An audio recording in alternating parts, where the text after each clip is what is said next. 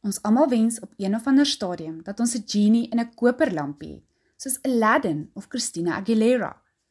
Meeste van ons dink agter ons het so 'n genie. Ons noem hom God. Gebruik jy God as 'n genie? Ruk jy gou die Bybel van die rak en stof gou die stoffies af wat versamel het, terwyl jy vir 'n vinnige versie soek wat jy as 'n quick fix kan gebruik?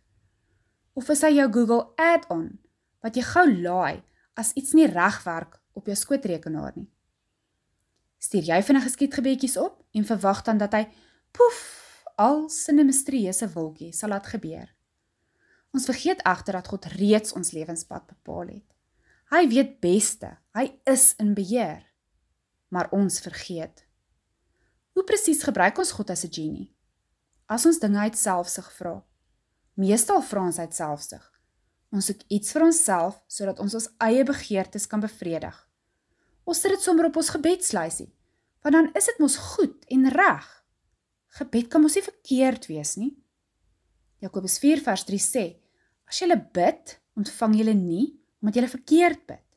Jy wil net jou selfsugtige begeertes bevredig. Ons moet met die regte motief bid. Dit kan moeilik wees, maar Jakobus sê tot vir ons hoe om te verseker dat ons motiewe inderdaad heilig is.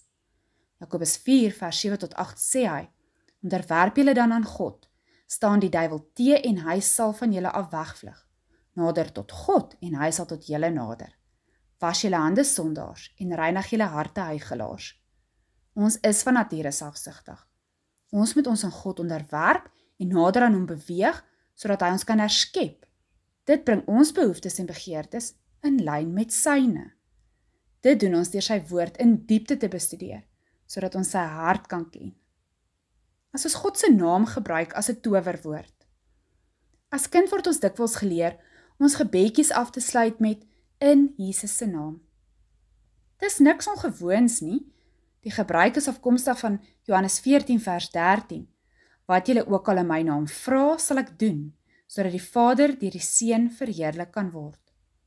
Ongelukkig misbruik baie mense dit as 'n soort towerwoord, soos abrakadabra en simsalabim net omdat ons in Jesus se naam gebruik, beteken nie dat ons begeertes en aansprake bewaarheid moet word soos wense nie. Om te bid in Jesus se naam beteken eerder om te vra in ooreenstemming met God se persoon, geaardheid en plan vir ons. Jesus was nog altyd vir die verkondiging, dien en glorie van God. Wanneer ons dit sê in Jesus se naam, spreek ons nie 'n towerwoord uit wat dinge net wonderbaarlik gaan laat gebeur nie. Nee, Ons vra God om sy wil te laat geskied. As ons voorsê wat moet gebeur. Al ooit mense hoor sê ek verklaar of ek spreek uit. Interessant genoeg sal hulle dan ook bysit in Jesus se naam. Net om dubbel seker te maak, veronderstel ek dat God sal doen wat hulle verklaar het. As ons verklaar dat iets moet gebeur en van God verwag om hierby in te val, gebruik ons hom soos 'n genie. Ons plaas onsself in 'n bevelsposisie en maak dan van God 'n slaaf, gebind tot die bevel wat ons gee. Baie mense mag dalk verwys na Markus 11 vers 23 wat sê: Dit verseker ek julle, elkeen wat vir hierdie berg sê, lig jou op en val in die see, en daarby nie in sy hart twyfel nie, maar glo dat wat hy sê gebeur, vir hom sal dit gebeur. Hierdie vers leer ons egter nie dat ons net bevele kan skree en God moet net spring nie. Dit leer ook nie dat ons die krag van God in ons het nie. Verstaan die vers in konteks.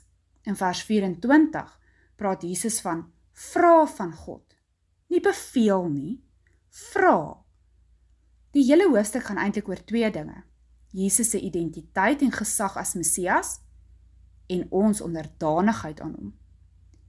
Toe hy dus gepraat het van die berg beweeg, het hy verwys na ons geloof in hom om enige iets te kan doen en nie om ons te vertel dat wat ook al ons beveel wonderbaarlik sal gebeur nie.